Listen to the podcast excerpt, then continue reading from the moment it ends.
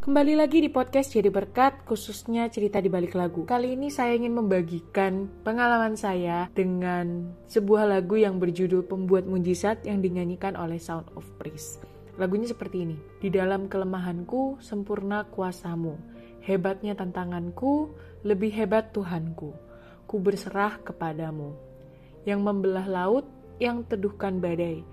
Yang mustahil pun terjadi karena kuasamu yang pegang hidupku, yang buka jalan bagiku, kau pembuat mujizat sejati. Awal saya tahu lagu ini di tahun 2022, tapi lagu ini muncul lagi pada saat saya retret di bulan Februari lalu. Lagu ini benar-benar saya alami. Ada satu hari di mana menginap, jadi Sabtu dan Minggu itu menginap dan otomatis teman kamarnya akan random. Jujur saya sedikit khawatir, sedikit overthinking tentang siapa yang akan menjadi teman kamar saya. Karena saya tahu tiap kamar itu akan berisi dua orang. Dan saya adalah salah satu orang tipe orang yang tidak bisa di dalam satu ruangan dan hening. Karena saya pasti akan berusaha semaksimal mungkin untuk bisa membuat sebuah interaksi atau komunikasi dengan orang yang ada di dalam ruangan itu bersama dengan saya. Sebelum mengikuti retreat itu, saya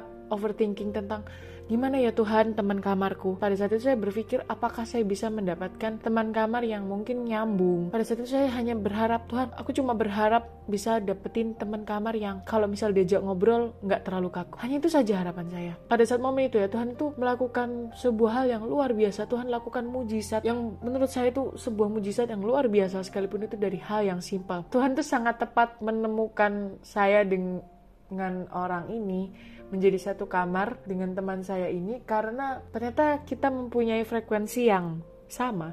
Jadi kita melakukan banyak sharing, kita ngobrol tentang banyak hal, tentang begitu banyak hal, tentang kehidupan sehari-hari, tentang kebaikan Tuhan, yang sampai akhirnya pada malam itu kita bertukar pikiran sampai jam 3 pagi. Lebih luar biasa lagi adalah ternyata Tuhan itu pertemukan saya dengan teman saya ini yang ternyata kita ikut dalam retret itu berawal dari rasa penasaran, berawal dari kita yang penasaran dengan retret ini dan kita merasakan kita tidak punya luka. Dan saya merasakan bahwa mujizat Tuhan itu nyata ketika saya bisa menemukan teman kamar yang tidak hanya bisa diajak ngobrol, tetapi kita bisa membagikan banyak kebaikan Tuhan dan kita bisa merasakan bahwa kasih Tuhan itu sungguh nyata. Ternyata Tuhan itu mengatur hidup manusia bisa sedetail itu. Tuhan kasih lebih dari apa yang menjadi ekspektasi dan menjadi kekhawatiran saya. Melalui momen kecil itu, saya seakan ditegur oleh Tuhan bahwa sering kali manusia itu khawatir untuk hal-hal yang seharusnya tidak perlu untuk dikhawatirkan. Karena Tuhan, sang pembuat mujizat sejati, dia bisa melakukan berbagai macam hal untuk membuat anaknya bahagia, untuk menyatakan bahwa dia adalah Allah yang berkuasa, Tuhan yang hebat. Hanya sesimpel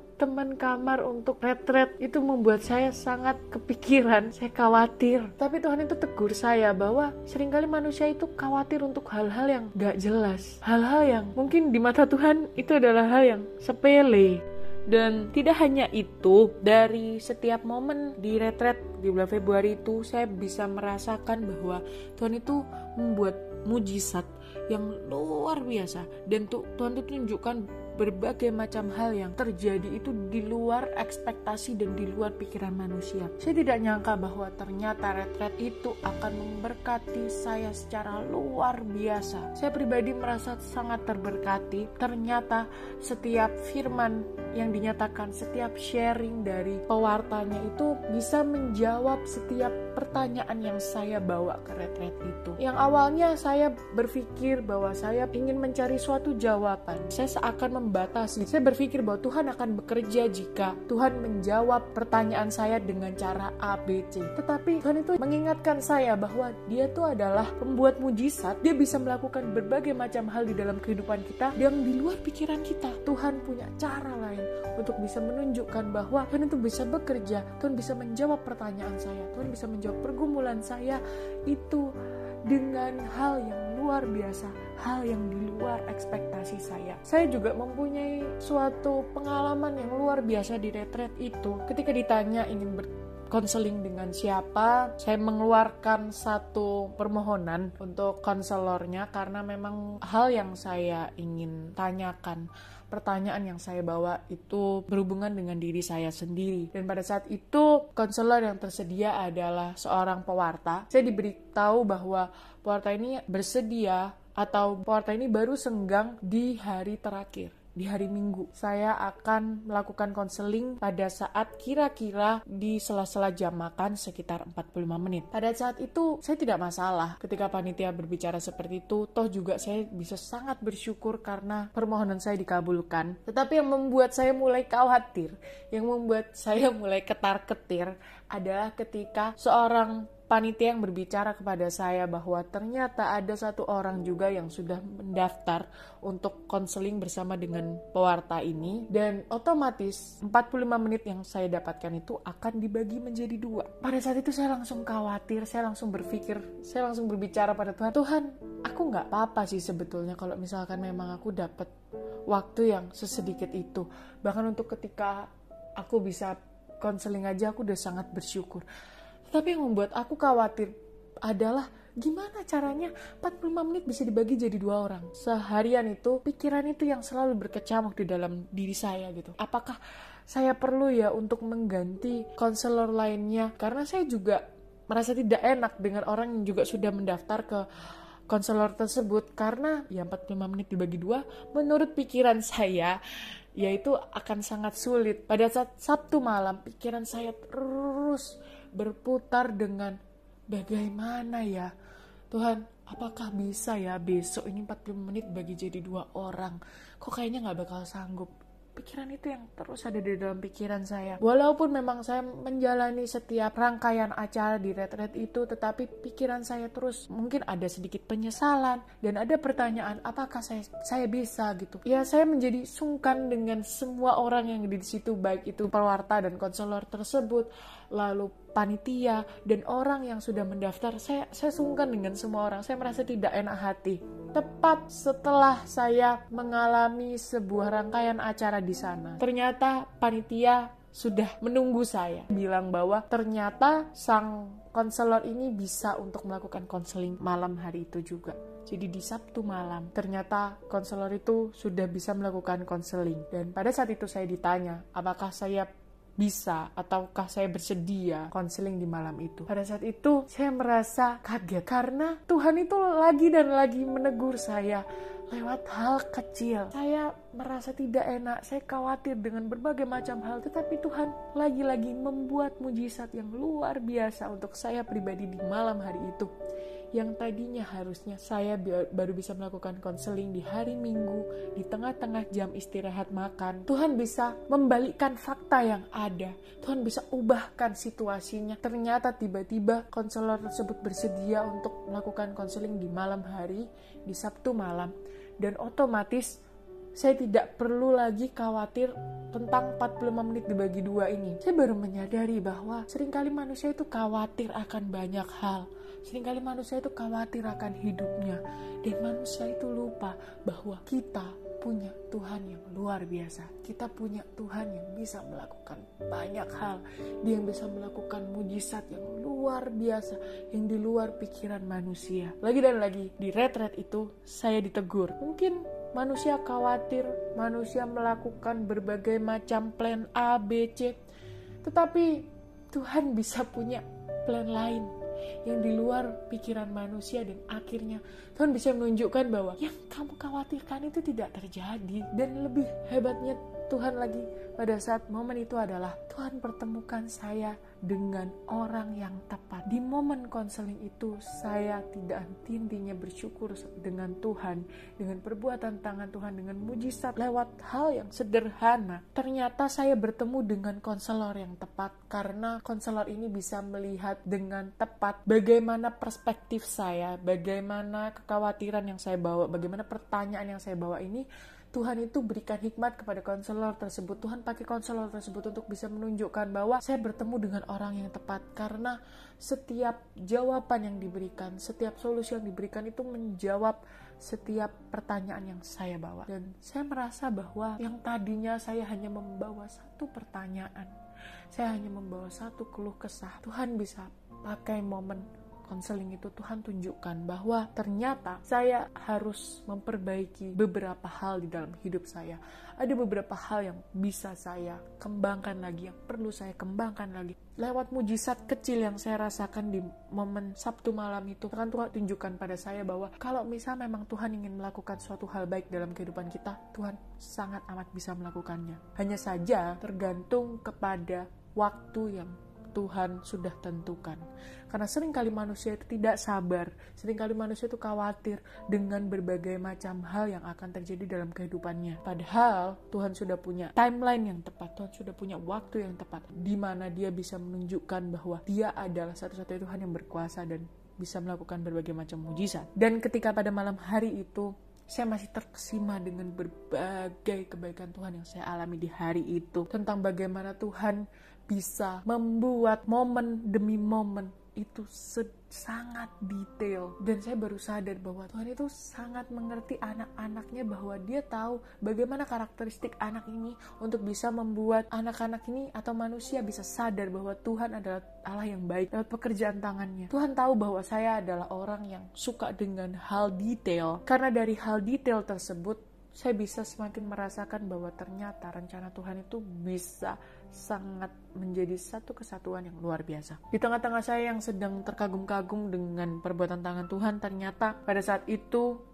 di retret itu di hari terakhir ternyata Tuhan masih belum berhenti melakukan pekerjaannya di dalam hidup saya. Di beberapa episode sebelumnya saya pernah membagikan kan tentang bagaimana proses saya melakukan sharing. Awalnya saya tidak tahu saya harus berbicara apa sampai akhirnya saya bisa membagikan kebaikan Tuhan yang saya alami. Walaupun memang sampai detik ini pun saya tidak bisa ingat betul tentang apa yang saya bicarakan di hari itu karena saya merasa pada saat itu otak saya blank. Tetapi saya juga ingat bahwa saya pun pernah mengalami momen yang mirip di Oktober 2022 saya dan teman-teman komunitas mengadakan retret hidup baru dalam roh untuk anak-anak muda dan di situ tiba-tiba saya ditunjuk untuk membagikan sebuah kisah transformasi saya. Dan itu saya ditunjuk Hamin satu. Saya bingung, saya harus berbicara apa. Dan anehnya pada saat malam itu, saya langsung berbicara bahwa transformasi saya saya alami ketika mama saya dipanggil Tuhan. Yang padahal pada saat itu kurang lebih saya baru kehilangan mama saya sekitar tiga bulan. Dan secara logika, seharusnya luka tersebut masih sangat amat sakit bagi saya. Tetapi anehnya pada saat itu bibir saya berkata bahwa transformasi yang saya alami adalah ketika mama saya dipanggil. Dan persis saat ketika saya membagikan sharing kebaikan Tuhan yang saya alami selama retret di bulan Februari itu, di bulan Oktober 2022, saya sebagai panitia pada malam hari saya tidak bisa tidur. Di hari di mana saya ditunjuk untuk membagikan transformasi itu saya bingung saya harus berbicara apa.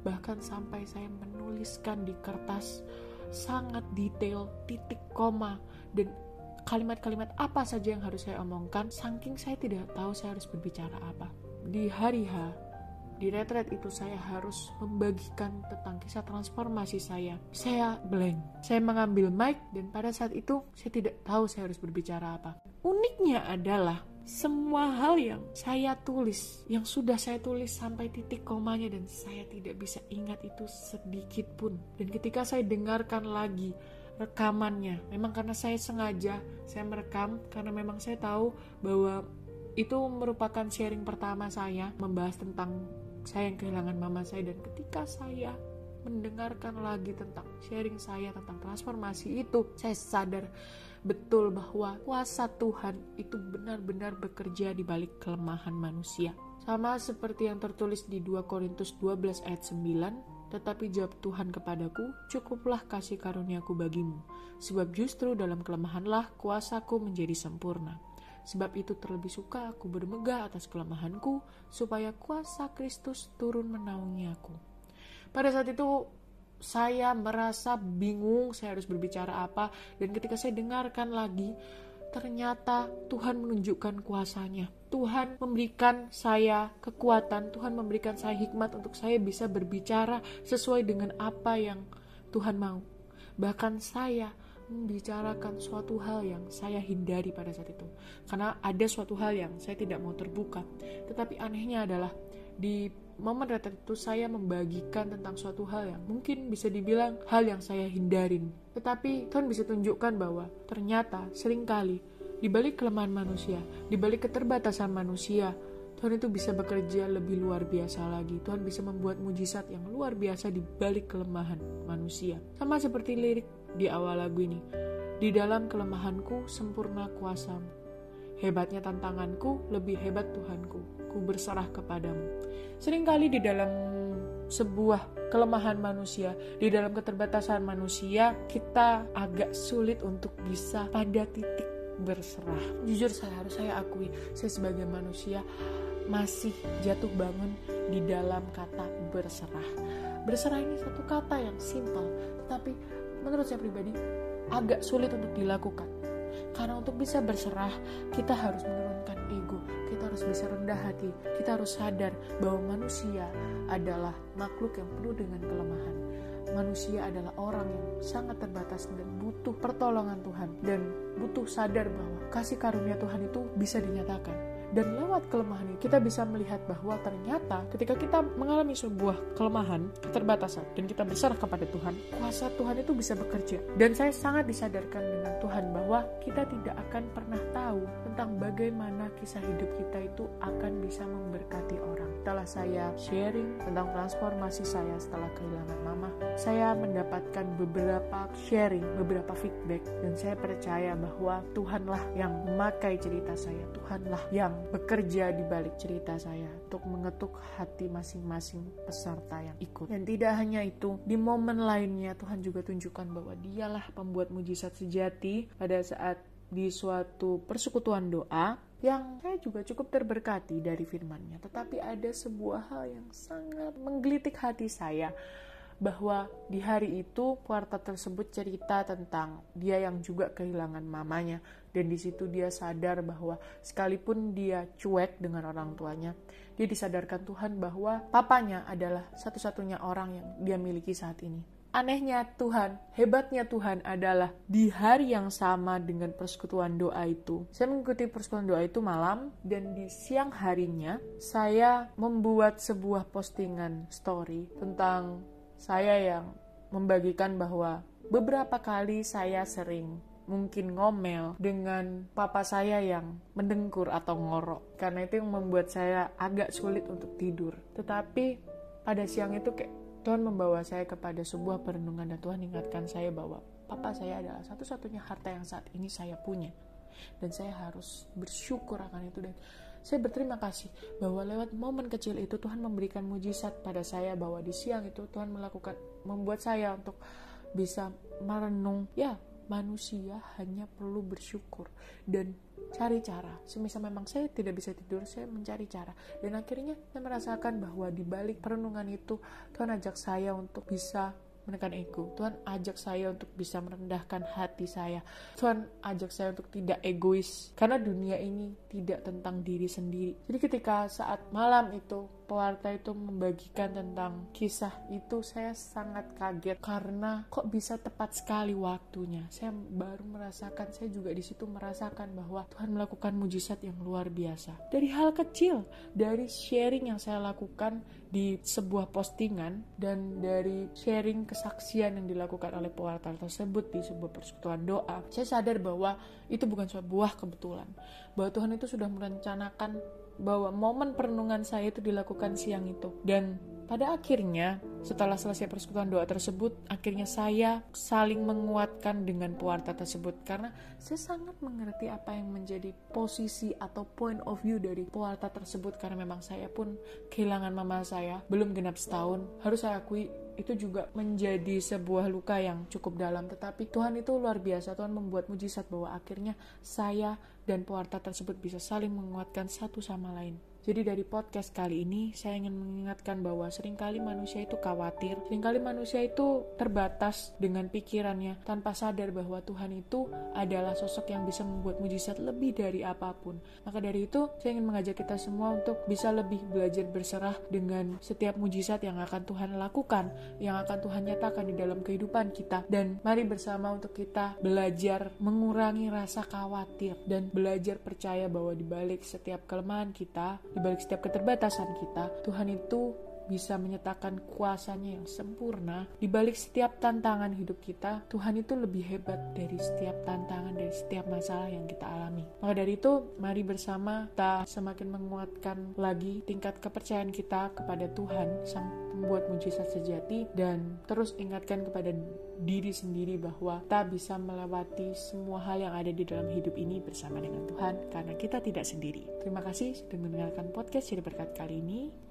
Silahkan bagikan ke teman-teman jika Anda merasa terberkati.